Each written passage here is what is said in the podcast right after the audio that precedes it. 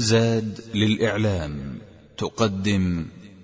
الحمد لله رب العالمين وأصلي وأسلم على محمد بن عبد الله خاتم النبيين والمرسلين وعلى آله وصحبه أجمعين.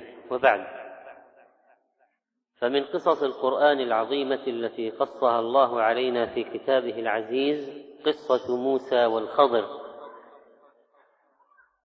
قال تعالى في كتابه العزيز وإذ قال موسى لفتاه لا أبرح حتى أبلغ مجمع البحرين أو أمضي حقبة. وكان سبب خروج موسى عليه السلام في هذا السفر ما روى ابن عباس عن أبي بن كعب عن رسول الله صلى الله عليه وسلم أنه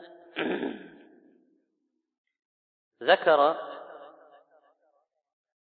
أن موسى عليه السلام أراد أن يلقى الخضر ليتعلم منه وهذا من حرص موسى على طلب العلم.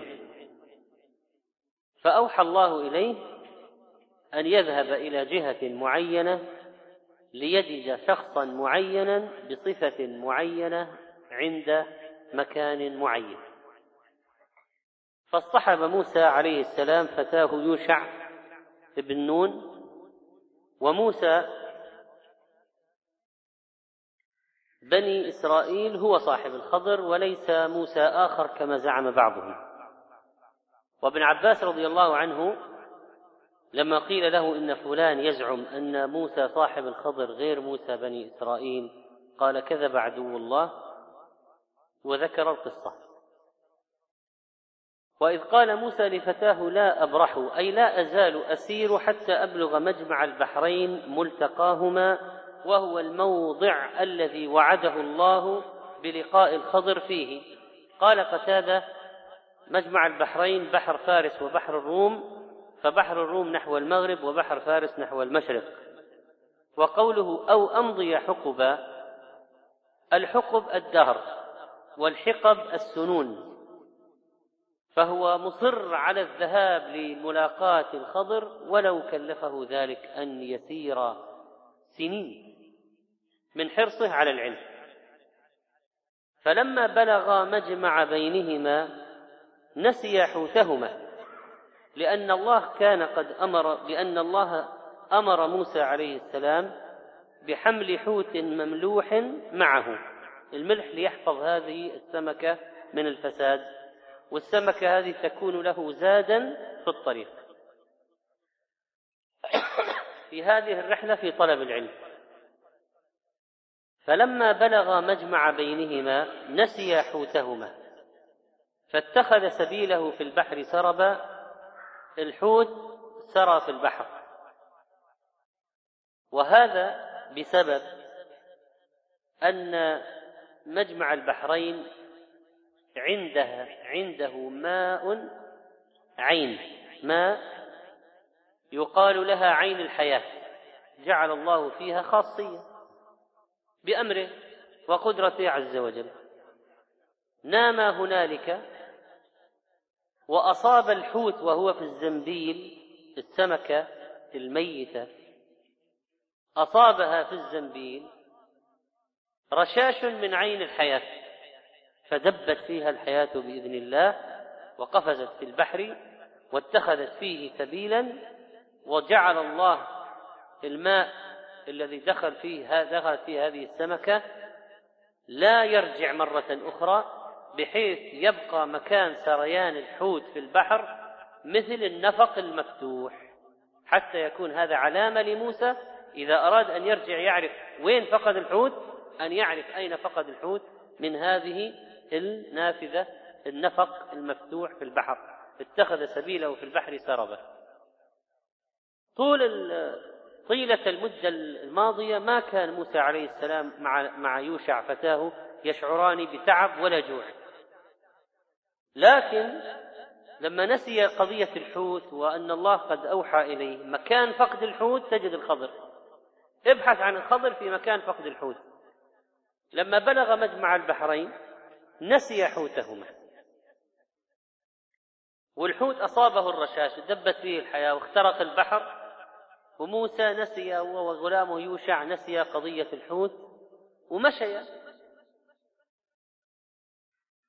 لما تعديا المكان الذي فقد فيه الحوت بدأ التعب والجوع فيهما. ومن قبل طيلة الوقت ما كان في تعب ولا جوع. فاتخذ سبيله في البحر سربا مثل النفق في الأرض فلما جاوزا وتعديا المكان المفترض أنهما يبحثان فيه. قال لفتاه آتنا غداءنا. هنا حصل الجوع. لقد لقينا من سفرنا هذا نصبا يعني تعبا هنا تذكر يوشع الفتى قال أرأيت إذ أوينا إلى الصخرة فإني نسيت الحوت هناك. وما أنسانيه إلا الشيطان أن أذكره واتخذ سبيله في البحر عجبا.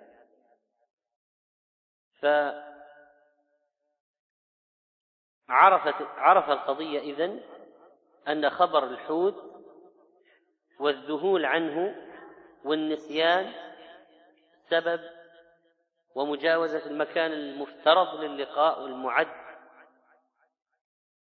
هذا المكان لما جاوزاه حصل التعب والجوع والشيطان أنسى يوشع أن يتذكر الحوت ويذكره لموسى واتخذ الحوت في البحر سبيله عجبا أي أمرا عجيبا لأن الماء لم يرجع إلى مكانه ما كان عليه.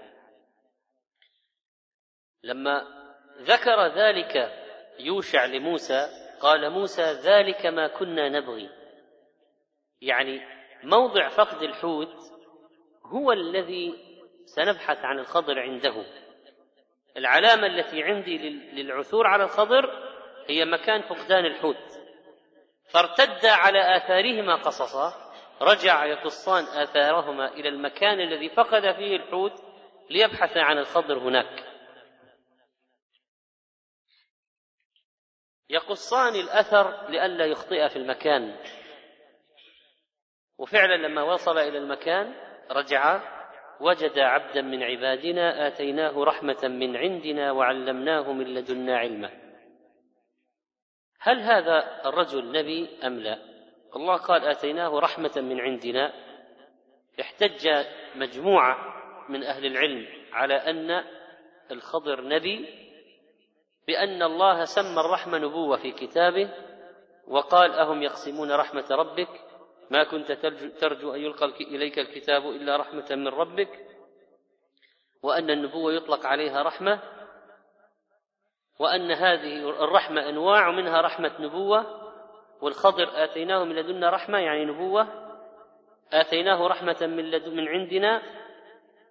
واحتجوا بقوله تعالى وعلمناه من لدنا علما. من لدنا يعني من عندنا علمناه وهذا معناه إنه ما دام الله علمه من عنده علما هذا يؤيد أنه نبي وأن موسى أمر باتباع الخضر والنبي يؤمر باتباع النبي, لكن ليس باتباع غير النبي. يعني نبي يتعلم من شخص عادي من شخص آخر غير نبي يعني هذا بعيد لكن نبي يتعلم من نبي وارد. وكذلك احتجوا بأن يعني موسى كان يخاطب لا أعصي لك أمرا وذاك يقول وكيف تصبر على ما لم تحط به خبرا؟ يعني إذا كان نبيا فهو أولى بهذا الكلام يناسب هذا الكلام أن يخرج من نبي ومن الأدلة القوية في الموضوع أن الخضر نبي قول الله تعالى وما فعلته عن أمري. أن الخضر قال لموسى بعد نهاية القصة وما فعلته عن أمري. فإذا ما ليس هذا من عندي تصرفات والأفعال هذه من عقلي وما بدا لي ورأيي الشخصي.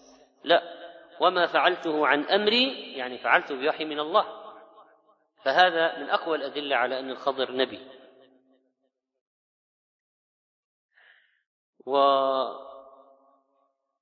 وموسى عليه السلام لما وصل إلى الخضر وسلم عليه قال وعليك السلام يا نبي بني إسرائيل. فقال موسى عليه السلام من عرفك هذا؟ قال الذي بعثك إلي. وهذا إذا ثبت إذا ثبت فهو نص في الموضوع. وقال الشوكاني فوجد عبدا من عبادنا هو الخضر آتيناه رحمة من عندنا هي النبوة وعلمناه من لدنا علما. يعني بعض الأشياء المتعلقة بالغيب الذي استأثر الله به علمه للخضر. وإلا فما يدريه أن الغلام هذا إذا كبر سيكون كافرا. كيف عرف؟ هذا ما يعرفها يعني. مهما واحد بلغ من العلم بدون وحي ما يعرف أن هذا الولد إذا كبر سيكون كافرا. وموسى تواضع للخضر. وقال له هل أتبعك على أن تعلمني مما علمت رشدا؟ هل أصحبك؟ بأسلوب لطيف. هل العرض؟ مما علمت من الذي علمك؟ ربك. رشدا أي إصابة الحق والخير والهدى. فهذا فيه تواضع وأدب. قال هل أتبعك على أن تعلمني؟ فجعل نفسه محتاج للتعليم وجعل وجعل الآخر له شيخا. وأنه يريد أن يقتبس منه ويستفيد منه. قال إنك لن تستطيع معي صبرا. وكيف تصبر على ما لم تحط به خبرا يا موسى لا تطيق أن تصبر على ما تراه من علمي لأن من طبيعتك أنك ستعترض على بعض ما ستراه مني. وكيف تصبر على ما لم تحط به خبرا؟ يعني أنت الآن إذا اتبعتني لن تسكت على أشياء ستراها أنت منكر. أنت ستراها منكر ولن تسكت عليها. ما لن تصبر على ما لم تحط به خبرة لأنك ستتعامل معه بالظاهر. وهذا هو الأصل. هذا هو الأصل. الإنسان يتعامل مع ظاهر الأمر. ولذلك إنكارات موسى على الخضر كلها على ظاهر الأمر. خرق سفينة. ظاهر الأمر أن هذا خرق اعتداء.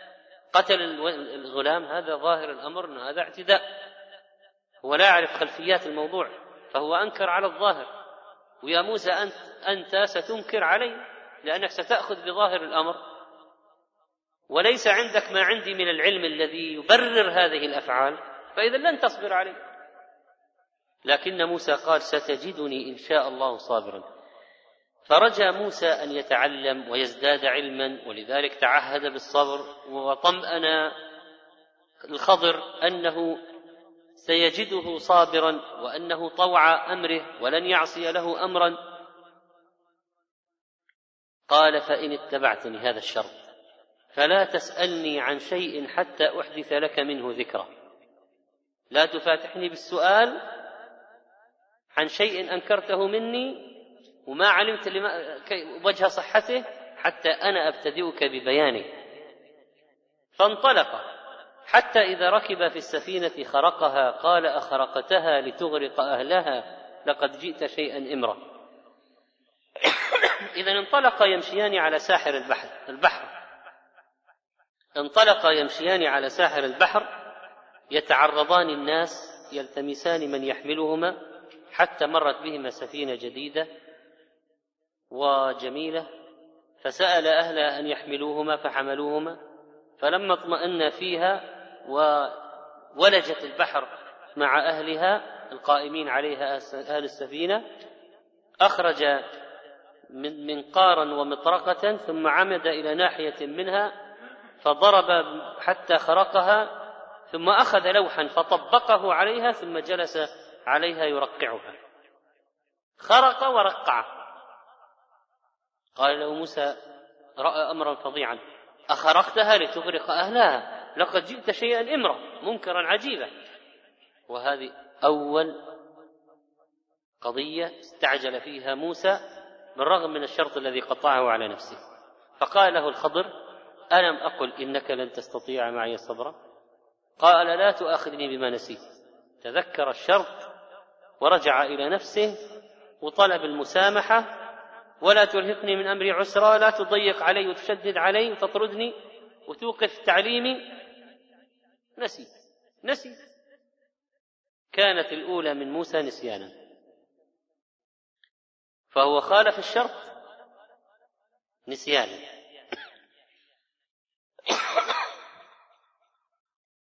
فانطلق. حتى إذا لقي غلاما فقتله. في البخاري وجد غلاما يل...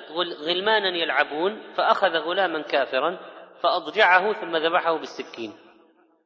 قال أقتلت نفسا زكية بغير نفس بغير ذنب؟ ما قتلت قتلتها؟ لقد جئت شيئا نكرا هذه أشد من الأولى. يعني يأخذ غلام رأس غلام يضجع يذبح ويقتلعه ويأخذ الرأس يقتلعه بيده. ما قال أقتلت نفسا زكية بغير نفس؟ لقد جئت شيئا نكرا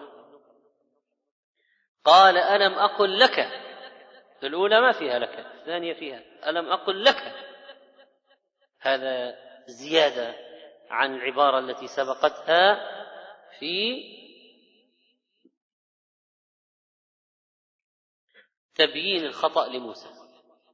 ألم أقل لك إنك لن تستطيع معي صبرا؟ فرجع موسى إلى نفسه قال إن سألتك عن شيء بعدها فلا تصاحبني قد بلغت من لدني عذرا. وقام الخضر بضرب رأس الغلام بحجر ثم أضجعه وذبحه ثم اقتلع رأسه جمعا بين الروايات. فقال الخضر إن سألتك قال موسى للخضر إن سألتك عن شيء من هذه الأعاجيب بعدها أي بعد هذه المرة فلا تصاحبني. قد بلغت من لدني عذرا. معناه بلغت الغاية التي تعذر بسببها التي تعذر بسببها في فراقي حيث خالفتك خالفتك ثلاث مرات.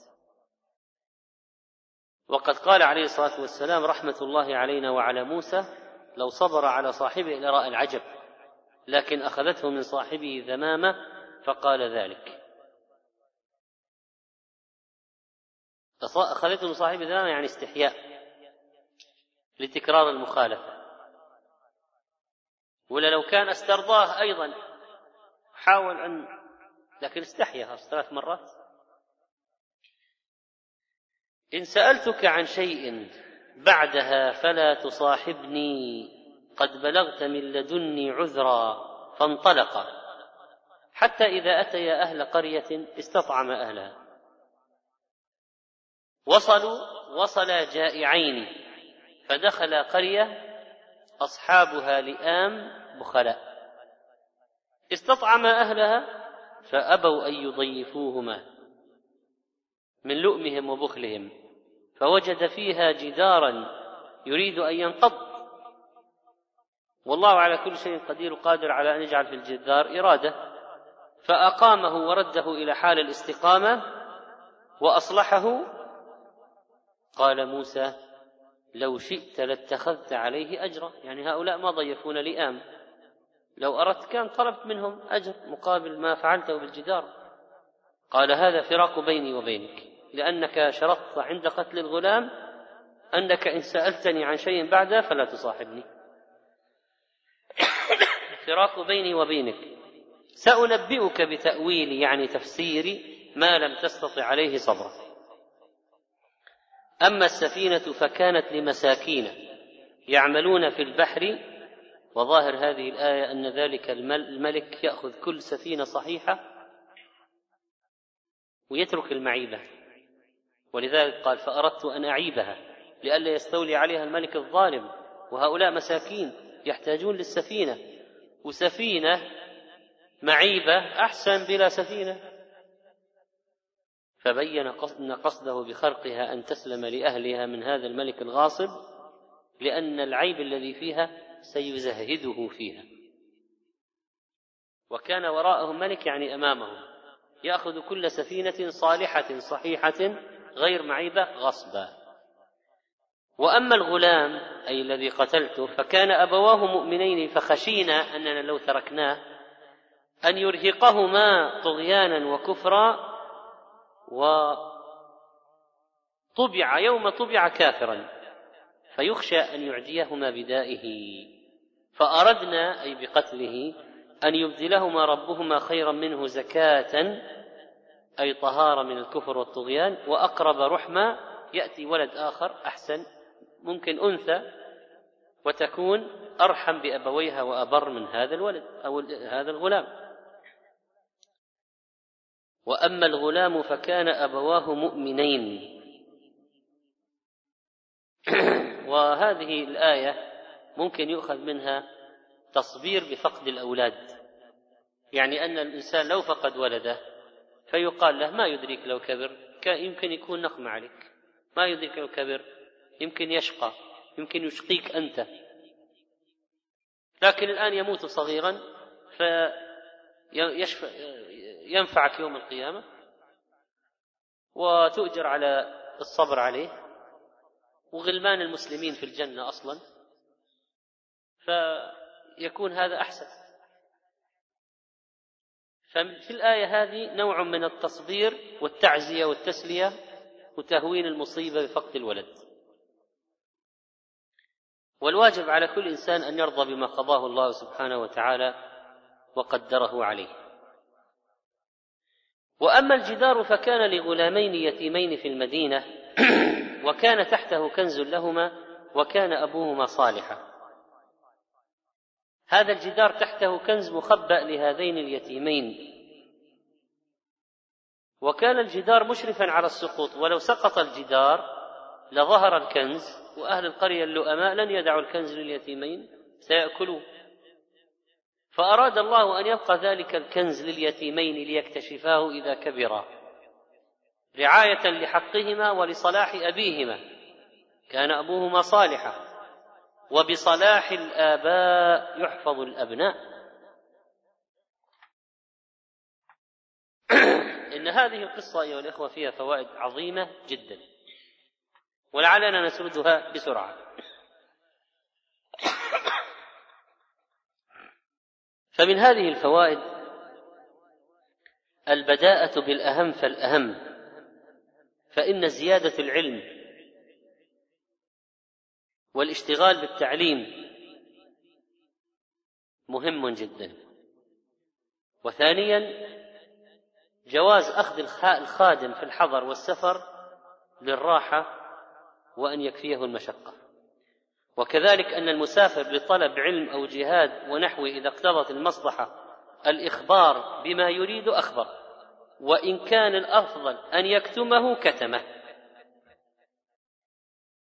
ومنها أن إضافة الشر وأسبابه إلى الشيطان على سبيل التسويل والتزيين مع أنه مقدر من الله إن هذا شيء وجيه. قال وما أنسانيه إلا الشيطان. ما قال أنسانيه الله. قال وما أنسانيه إلا الشيطان. ومنها أنه يجوز الإنسان أن يخبر عما وقع له من التعب والمشقة دون أن يكون في هذا شكوى الله للمخلوقين. يعني ما يشتكي ربه للناس. فمثلا قوله لقد لقينا من سفرنا هذا نصبا ما في معنى واحد يقول تعبنا مثلا أو جعنا أو كذا ما دام أن هذا الإخبار لا ينطوي على اعتراض على القضاء والقدر أو شكوى الرحيم إلى الذي لا يرحم أو تسخط مثلا إذا ما كان ينطوي فلا بأس أن يقول أنا أتألم أنا تعبت مثلا. وكذلك فإن وجود الخادم وجود الخادم الذكي الفطن مما يعين الإنسان. وكذلك استحباب إطعام الإنسان لخادمه وأكلهما جميعا أن هذا من التواضع. وكذلك أن الله يعين صاحب المقصد الحسن. موسى طيلة ذهابه إلى الخضر واتباعه للتعليمات ما كان في عنده أي مشكلة حتى تعب نصب ما وجد. لما نسي الحوت وصارت القضية تاه عن العلامة التي وضعت له بدأ التعب والنصب. وكذلك من الفوائد أن العلم الذي يعلمه الله للعباد نوعان. نوع مكتسب يدركه العبد بجده واجتهاده وعلم لدني لا يمكن أن يصل إليه إذا لم يوحي الله إليه به بالنبوة مثلا. وكذلك التأدب مع المعلم والتواضع له بالخطاب اللطيف. هل أتبعك على أن تعلمني؟ وكذلك أن الإنسان قد يكون الإنسان الأعلى منزلة يتعلم من الشخص الأقل منه منزلة. الآن لو قلنا موسى أفضل من الخضر. موسى من أولي العزم من الرسل موسى بلا شك أفضل من الخضر. لكن لا يمنع أن الأعلى يتعلم من الأدنى.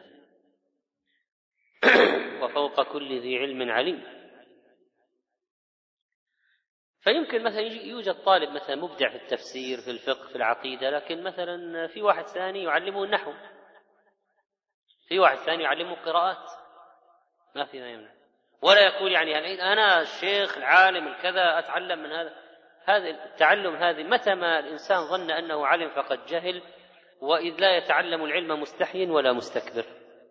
وموسى لم يأنف أن يذهب للخضر مع أنه أفضل منه وأعلى منه عند الله يذهب ويتعلم منه ويسافر لأجل هذا. ففيه إذن الرحلة في طلب العلم. وكذلك في القصة استعمال كل الوسائل المؤدية إلى طلب العلم حتى لو كان سفرا وأخذ الزاد للسفر وكذلك أن من لا صبر له لا يدرك التعلم ولا بد يصبر على الشيخ حتى يتعلم. وقد يكون شيخه ضيق العطن نفس يعني عنده آه، شدة أو قوة أو أسلوبه آه، فيه شيء من الصعوبة إذا ما صبر عليه لن يتعلم منه. لأنه قد يصطدم معه في قضية بسيطة في البداية ثم يقول هذا هذا صعب وهذا يمشي يتركه مع أنه لو تألفه وصبر عليه لاستخرج منه علما كثيرا. وفي مشايخ في التاريخ يعني من من المحدثين كان كانت كانوا عندهم صعوبة في التعامل. لكن استطاع بعض الأذكياء من الطلاب أن يفتح أن يفتح هذا الشيخ يفتح مغاليقه يفتح خزائنه وينهل منه. بأي شيء بالمداراة والملاطفة حتى يصل للمقصود. وليس هذا لا يسمى نفاقا هذا يسمى مداراة شرعية لتحصيل ما عند الشيخ من العلم. لأنه ليس كل المشايخ أخلاقهم سهلة وأنهم سلسين في التعامل وأنه يفتح لك الباب 24 ساعة. لا. قد يكون عنده شغل قد يكون عنده ظروف قد يكون عنده قد يردك من أول مرة ومن ثاني مرة ومن ثالث مرة فالطالب الذي يعني لا يصبر خلاص الشيخ ردني أول ثاني مرة خلاص هذا ما يصلح لي ولا أصلح له انتهى. لو دار وصبر وواصل ومدمن القرع للأبواب أن يلج كذلك من الفوائد أن على الإنسان أن لا يغتر وأنه مهما وصل إلى درجة من العلم ممكن يوجد واحد آخر عنده أشياء لا يعلمها هو. وكذلك الأمر بالتأني والتثبت وتعليق الأمور المستقبلة من أفعال العباد بالمشيئة. لا يقول إني فاعل ذلك غدا إلا أن يشاء الله. طيب من أين نأخذها من القصة؟ ستجدني إن شاء الله صابرا ولا أعصي لك أمرا. ويؤخذ منه أيضا أن العزم على فعل الشيء ليس بمنزلة فعله. يعني موسى قال ستجدني إن شاء الله صابرا. بس لما ذهبنا في التفاصيل القصة ما صبر. فكون عزم على أن يكون صابرا لا يعني أنه فعلا صبر. فالعزم على فعل الشيء ليس بمنزلة فعله. وأن المعلم إذا رأى المصلحة في إيزاعه للمتعلم أن يترك الابتداء في السؤال عن بعض الأشياء يقول لا تسأل. اسمع أنت لا نسمع. لا تسأل. إذا رأى أن هذا أفضل وأحسن فإن له أن يفعل ذلك. خصوصا أن بعض الطلبة قد يستعجل في إيراد الأسئلة. ويمكن السؤال جوابه سيأتي بعد قليل. يعني يمكن هذا الطالب من طبعه العجلة. دائما يسأل وسيأتي في الدرس الجواب. فيقول أنت بالذات أنت لا تسأل. بعد ما ينتهي الدرس تفضل اسأل. وكذلك جواز ركوب البحر في غير الحالة التي يخاف منها. يعني إذا كان البحر هائج فلا يركب بطبيعة الحال لئلا يؤدي به إلى التهلكة. وكذلك في أن الناس غير مؤاخذ بنسيانه لا في حقوق الله ولا في حقوق العباد. لا تؤاخذني بما نسيت. وأنه ينبغي للإنسان أن يأخذ من أخلاق الناس ومعاملاتهم العفو. وما سمحت به أنفسهم وأن لا يكلفهم ما لا يطيقون أو يشق عليهم حتى لا يسأموا ويملوا. وكذلك أن الأصل أن الأمور تجرى على ظاهرها وتتعلق بها الأحكام في الأموال والدماء هذا هو الأصل.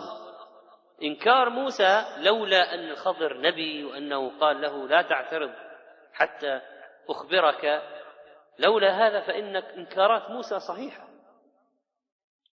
وكذلك فإن في القصة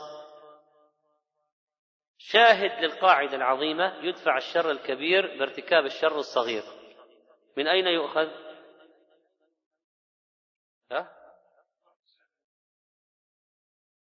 قتل الغلام شر لكن أهون من أن يترك حتى يكون سببا في كفر أبويه طيب وكذلك خرق السفينة الخير أن تخرق أو الأقل شرا أن تخرق وترقع بدلا من أن يأخذها كلها الملك الظالم. وفيها أيضا شاهد على القاعدة الكبيرة أن عمل الإنسان في مال غيره إذا كان على وجه المصلحة وإزالة المفسدة أنه يجوز ولو بلا إذن. يعني لو نزل مطر على بيت جارك وجارك مسافر ورأيت أنت أن تتصرف في بعض الأشياء لمصلحة الجار. فهذا وجيه ولو بلا إذنه لأنك إنما تصرفت له لمصلحته. فلو جاء وقال ومن قال لك أن تغطي السيارة؟ خلها تغرق. ليش؟ ليش دخلك؟ تقول له دخلني القاعدة أن عمل الإنسان في مال غيره إذا كان على وجه المصلحة وإزالة المفسدة يجوز ولو بلا إذن من صاحب المال. ما كذلك لو وقع حريق مثلا في بيت الجار وأنت وهو غائب وقمت بإطفاء النار. فلو جاء وقال لك خله يحترق أنت إيش دخلك في البيت؟ فهذا جاهل ولا يعتد بقوله وأنت فعلت ما فيه المصلحة له. إلا إذا كان مأمن عليه فيبغى يحترق يأخذ التعويض. وهذا أطم وأسوأ. وكذلك جواز العمل في البحر كما يجوز العمل في البر. يعني أنه قد يقال إذا هل العمل في البحر ممكن يكون غير جائز لأن فيه خطورة؟ فيقال وأما السفينة فكانت السفينة فكانت لمساكين يعملون في البحر. ومنه يعلم أن الذين يعملون في شركة النفط والغواصين والصيادين أن عملهم في البحر وجيه. وكذلك يؤخذ من أن اسم المسكين ممكن ينطبق على ناس عندهم مال لكن لا يكفيهم أو عندهم مال لا يصلون إليه. فالآن أصحاب السفينة مساكين الله قال مساكين يعملون في البحر لأن الأجرة التي يستخرجونها لا تغطي نفقاتهم ونفقات أهاليهم. المساكين هؤلاء كم واحد؟ كل واحد وراء عائلة. فيسمى مسكين حتى لو عنده مال. إذا كان المال لا يغطي نفقاته. ممكن يجد غدا ما يجد عشاء ممكن يجد ملابس ما يجد سكن ما يجد إيجار البيت يمكن يجد نصف إيجار البيت. إذا هذا مسكين. كذلك أن القتل من أكبر الذنوب. قال لقد جئت شيئا نكرا. وأن القتل قصاصا ليس بأمر منكر بل هو عدل. قال بغير نفس. وفيه أن العبد الصالح يحفظه الله في نفسه وفي ذريته. وفيه أن خدمة الصالحين عبادة. وفيه استعمال الأدب مع الله. لأن الخضر قال عن عيب السفينة فأردت أن أعيبها. وعن الخير قال فأراد ربك أن يبلغا أشدهما ويستخرجا كنزهما. فهذا أدب مع الله. مثل قول الجن وأن لا ندري أشر أريد بمن في الأرض أم أراد بهم ربهم رشدا. فهو الله يريد يريد يريد الخير ويريد الشر ويقدر الخير ويقدر الشر. من باب الأدب مع الله أنك لا تنسب الشر إليه ليس لأنه ليس بخالق الشر لكن من باب الأدب مع الله. وكذلك في هذه القصة من الفوائد أن موافقة الصاحب لصاحبه وكونه يواتيه أبقى للصحبة وأدوم للمودة. يعني إذا أردت أن تفقد أن تفقد صحبة شخص عارضه دائما عارضه. كل ما طلع رأي عارضه. كل ما أراد يمشي من اليمين يمشي شمال. كل ما قال في رأيه في قضية كذا قل لا كذا. كل ما خلاص تنتهي تنتهي الصحبة. ما, ما, ما لا تطول الأمور. فإذا أردت أن يدوم لك صاحبك فواته في غير ما حرم الله. وكذلك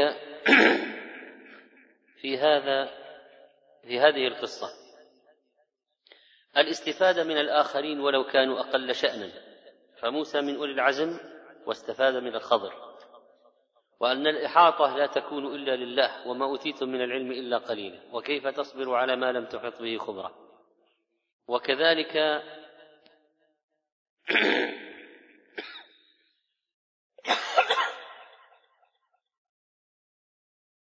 فيه تواضع العالم لأنه قال ما علمي وعلمك في علم الله إلا كما أخذ هذا العصفور من البحر كما جاء في القصة في صحيح البخاري. وفيه أن تعلم الأشياء الجديدة قد يكون بطريقة شديدة على النفس وعلى حساب أحاسيس الإنسان ومشاعره كما حصل لموسى دفع ثمن خطأ القول الذي قاله ولذلك لا يشترط دائما تكون أساليب التعليم أو يتعلم الإنسان أشياء كلها بسهولة. ممكن أحيانا يتعلم أشياء ولكن على حساب أمور يعني صعوبات في نفسه. موسى فقد صحبة الخضر. وكذلك في هذا القصة هذه القصة أن اتباع الشيخ والعالم يكون بالأمر الشرعي فلا حجة للصوفية الذين يقولون لا تعترض على الشيخ ولو رأيته يزني ليه؟ قالوا الخضر الخضر الصوفية أشطر ناس في قصة الخضر هذه يعني ما في أحد استغل قصة الخضر في الكفر وفي الفسق والفجور مثل الصوفية خلاص الشيخ مقدس وكل ما يفعله الشيخ صح وأي شيء لا تنكر عليه. ليش؟ قالوا قصة الخضر. طيب الخضر يقول ما فعلت عن أمري. يعني يفعله بوحي من الله. فشيخكم أنتم يا أيها الرفاعية والقادرية والجيلانية والعيدروسية والبدوية والمرسية والمهلبية. هؤلاء كلهم يعني يعني آه، شيوخكم إيش يعني يأخذون وحي من الله وما فعلته عن أمري؟ فاذا لو الصوفي جاء قال ما تعترض على الشيخ لو رأيته يشرب الخمر لو رأيته يزني لو رأيته يفعل الفواحش ما تدري. مثل واحد قال الشيخ جاب قال الشيخ يا شيخ معي امرأتي كذا قال جيبها. خلينا نشوف المشكلة. جاب المرأة قال اطلع برا. دخل عليه فجأة وجده يقبل عنق المرأة. قال يا شيخ قال أنت إيش رأيت؟ قال أنا رأيت كذا. قال لا أنا كنت أقبل الحجر الأسود. كرامات جاء الحجر الأسود. ولذلك فإنه لا يجوز السكوت عن المنكر. يعني هذا موسى مع الخضر خضر نبي. لكن الآن يجي أي واحد يقول الثاني يقول لا تعترض تمشي معي لا تعترض. ما في ما في أحد معصوم الآن. العصمة انتهت العصمة للأنبياء. وكذلك فيه دليل على مراعاة الثلاث مرات في أمر الشرع. مثلا الإنذار مثلا الاستئذان. ثلاث مرات ترجع. مثلا الطلاق ثلاث مرات خلاص تروح بيت انتهى. فرقة. وهكذا الأسلوب الذي اتبعه موسى مع الخضر بالثلاث. لكي يصبح الإنذار إعذار في كل مرة لابد من توضيح الخطأ بعد كل مرة. لذلك لو أن المدرس مثلا الطالب سوى خطأ قال اللي يسوي خطأ إذا كرر خطأك سأطردك من الفصل. قام الطالب أخطأ وهو لا يدري أنه أخطأ والمدرس سجل واحد. والطالب أخطأ مرة ثانية وهو لا يدري أنه أخطأ سجل اثنين. والطالب أخطأ ولا يدري أنه سجل ثلاثة اطلع برا. يا أستاذ أنا ما اطلع برا. طيب المفترض تربويا أن يقال للطالب عند الخطأ لقد أخطأت. عشان يعني الآن تحسب واحدة عن علم. ولذلك الخضر ما ترك موسى يعترض عليه وسكت وخلاه يعترض مرة ثانية وسكت المرة الثالثة قال هذا فراق بيني وبينك. وإنما قال له ألم أقل إنك لن تستطيع معي؟ مرة قال ألم أقل لك إنك لن إذا كان يوضح له بعد كل مرة أنه أخطأ. إذا حتى يكون الإنذار إعذار لا بد من توضيح الخطأ في كل مرة. ثم فرح الإنسان بكل علم جديد وبكل شيخ يلقاه. ثم التدرج في العقوبة. ألم أقل إنك؟ ألم أقل لك؟ هذا فراق بيني وبينك. وأهمية التربية بالأحداث. أراد الله أن يلقن أن موسى درسا عمليا ولم ولم تكن يكن الاكتفاء بأنه عتب عليه أن لم يرد العلم إليه لما قال موسى أنا أعلم. وإنما ليتعلم موسى عمليا عليه السلام. والله يربي أنبياءه بالأحداث وفيه أن النسيان وارد من الأنبياء وعلى الأنبياء وارد. فكيف بغيرهم؟ النبي عليه الصلاة والسلام نسي في الصلاة. وفيه أن العالم المتبوع له أن يشترط على الطالب أشياء. مثل المدرسة تشترط على الطالب أشياء. شروط لا تعارض الشريعة. فيقال مثلا ترى شروط الانضمام للحلقة في المسجد أنك ما تغيب ثلاث مرات. إذا غبت ثلاث مرات نشطبك من الحلقة. طيب لهم هذا. شيخ يدرس مثلا يقول أنا شرطي في الدرس أن الواحد يجيب كتابه. اللي ما يجيب كتابه ما يحضر مثلا. فإذا حصلت الشروط في التدريس فإن للشيخ أن يتصرف مع من خالف الشروط وللمدرسة أن تتصرف مع الطلاب المخالفين للشروط. وكذلك التأني في عملية الإنكار في الأمور المحتملة. وكذلك التشهير على من استعلن بالخطأ لأن ابن عباس أنكر على نوف البكالي كيف يقول أن موسى صاحب الخضر ليس موسى بني إسرائيل. وفيه أن الشخصية المعروفة بالخير مذكورة بالخير بين الناس. يعني مهم أن الإنسان يكون له سيرة حسنة. من وين نأخذ هذا؟ أن الشخص إذا كان صاحب سيرة حسنة مع الناس يعرفون له ذلك.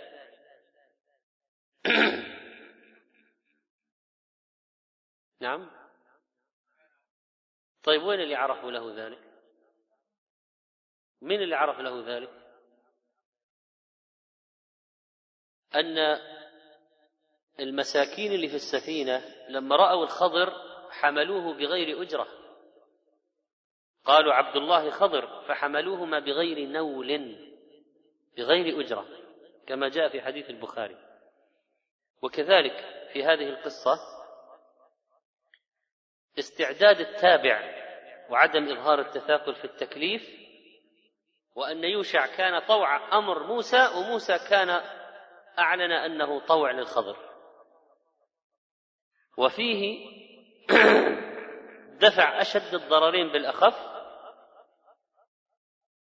كما عرفنا في فوائد قتل الغلام وخرق السفينة. وفيه أن الله يعين من يذهب لطلب العلم في سبيله وكذلك الاستعانة بالله في طلب العلم. وكذلك مقابلة الإساءة بالإحسان. من وين ناخذها مقابلة الإساءة بالإحسان؟ أهل القرية مع أنهم أساءوا لكن الخضر عمل الشيء الذي فيه مصلحة للغلامين مع وهما من أهل القرية. وكذلك اتباع من هو أعلم في الأمور الاجتهادية. وأيضا انتفاع الأبناء بصلاح الآباء. وأن الخبر لا كالمعاينة وأن استخدام وسائل الإيضاح مفيد في الشرح. نأخذ هذا من قصة البخاري لما ركب السفينة جاء عصفور نقر في البحر فقال الخضر لموسى ما علمي وعلمك في علم الله إلا كما نقر هذا العصفور من البحر.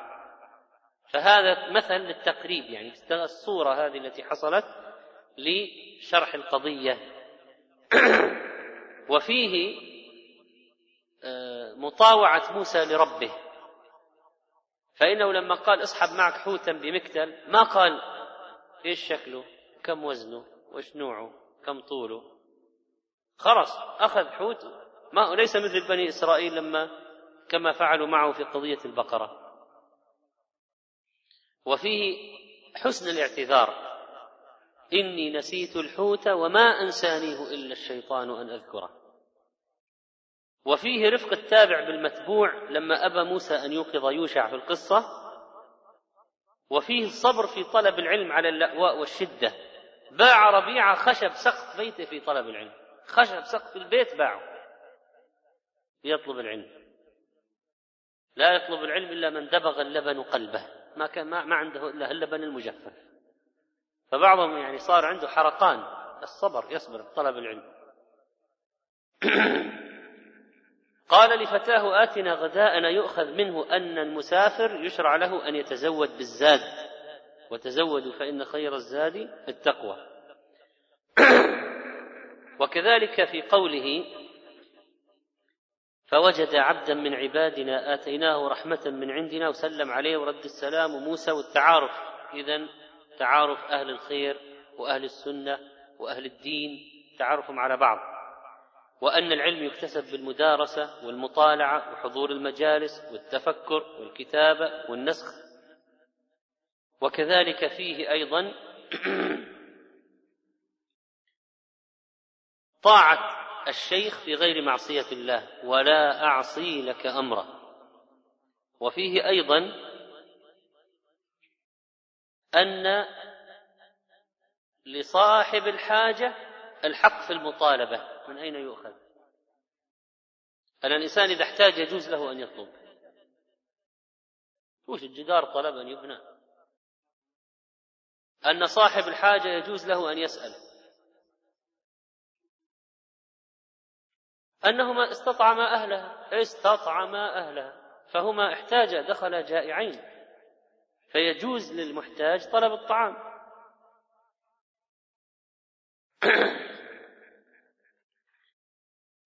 و نسبة الفضل إلى الله سبحانه وتعالى في كل أمر والفرح بما يحصل من العلم الجديد والحرص على سؤال العلماء ووجوب رعاية اليتامى وحفظ حقوقهم وكذلك جواز إتلاف بعض المال لاستنقاذ بعضه ومضى قريب منه في القواعد المذكورة آنفا. وكذلك في القصة أن شريعة موسى ليست لم تكن لازمة للخضر ولجميع الناس في مكانه لأنه قال موسى بني إسرائيل لكن النبي عليه الصلاة والسلام شريعته لازمة لكل الناس في كل زمان ومكان. يعني موسى بني إسرائيل يعني أنت أنت يا موسى نبي بني إسرائيل. شريعتك ملزمة لبني إسرائيل. ممكن يكون نبي في مكان ثاني في الأرض عنده أحكام أخرى شريعة أخرى. لكن النبي عليه الصلاة والسلام شريعته عامة للجميع. وفي القصة محاولات الشيطان اليائسة مع عباد الله الصالحين.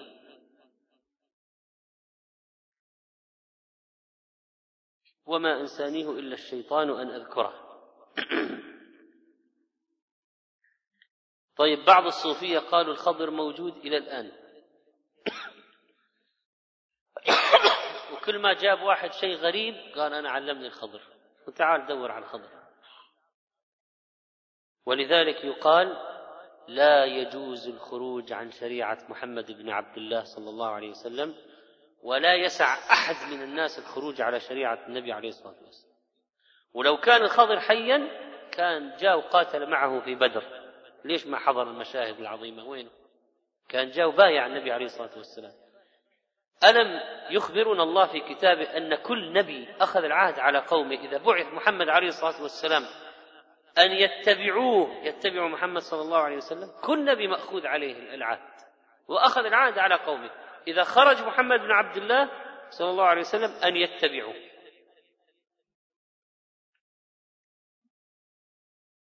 وكذلك فإن في هذه القصة أن الفقير أسوأ حالا من المسكين والمسكين قد يكون عنده بعض الشيء. وفي القصة أن الله عز وجل يوفق الذي يخرج لطاعة أكثر مما يعين الذي يخرج لمصلحة نفسه. فهم العلماء بعضهم هذا بمقارنة خروج موسى لطلب العلم أنه ما وجد تعب ولا نصب حتى فقد الحوت وما حصل لموسى في الخروج إلى مدين. لأنه وصل إلى مدين متعبا حافيا جائعا. قال رب إني لما أنزلت من خير فقير. لأنه كان سفره واحد يريد أن ينجو بنفسه شغلة شخصية. لكن هنا سفر طاعة ليلاقي الخضر ويأخذ عنه.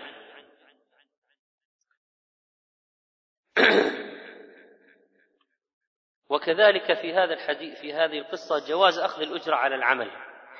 من أين يؤخذ؟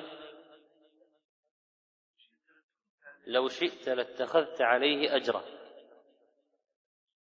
وفي القصة أن بعض الناس يرفض الحق لكن إذا أوضحت له الأسباب استجاب.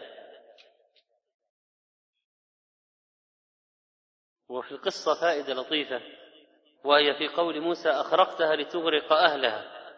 ولم يقل أخرقتها لتغرقنا مع أنه هو معهم يعني. فنسي نفسه واشتغل بغيره. في الحال التي يقول فيها كل أحد نفسي نفسي. فسبحان من جبل أنبياءه على نصح الخلق والشفقة عليهم والرأفة بهم. لأنه كان هم موسى الآن في السوء الناس وليس في نفسه مع أنه هو واحد من الناس ولو غرقت السفينة واحد منهم. فهذه طائفة من الفوائد التي اشتملت عليها هذه القصة العظيمة من قصص القرآن الكريم.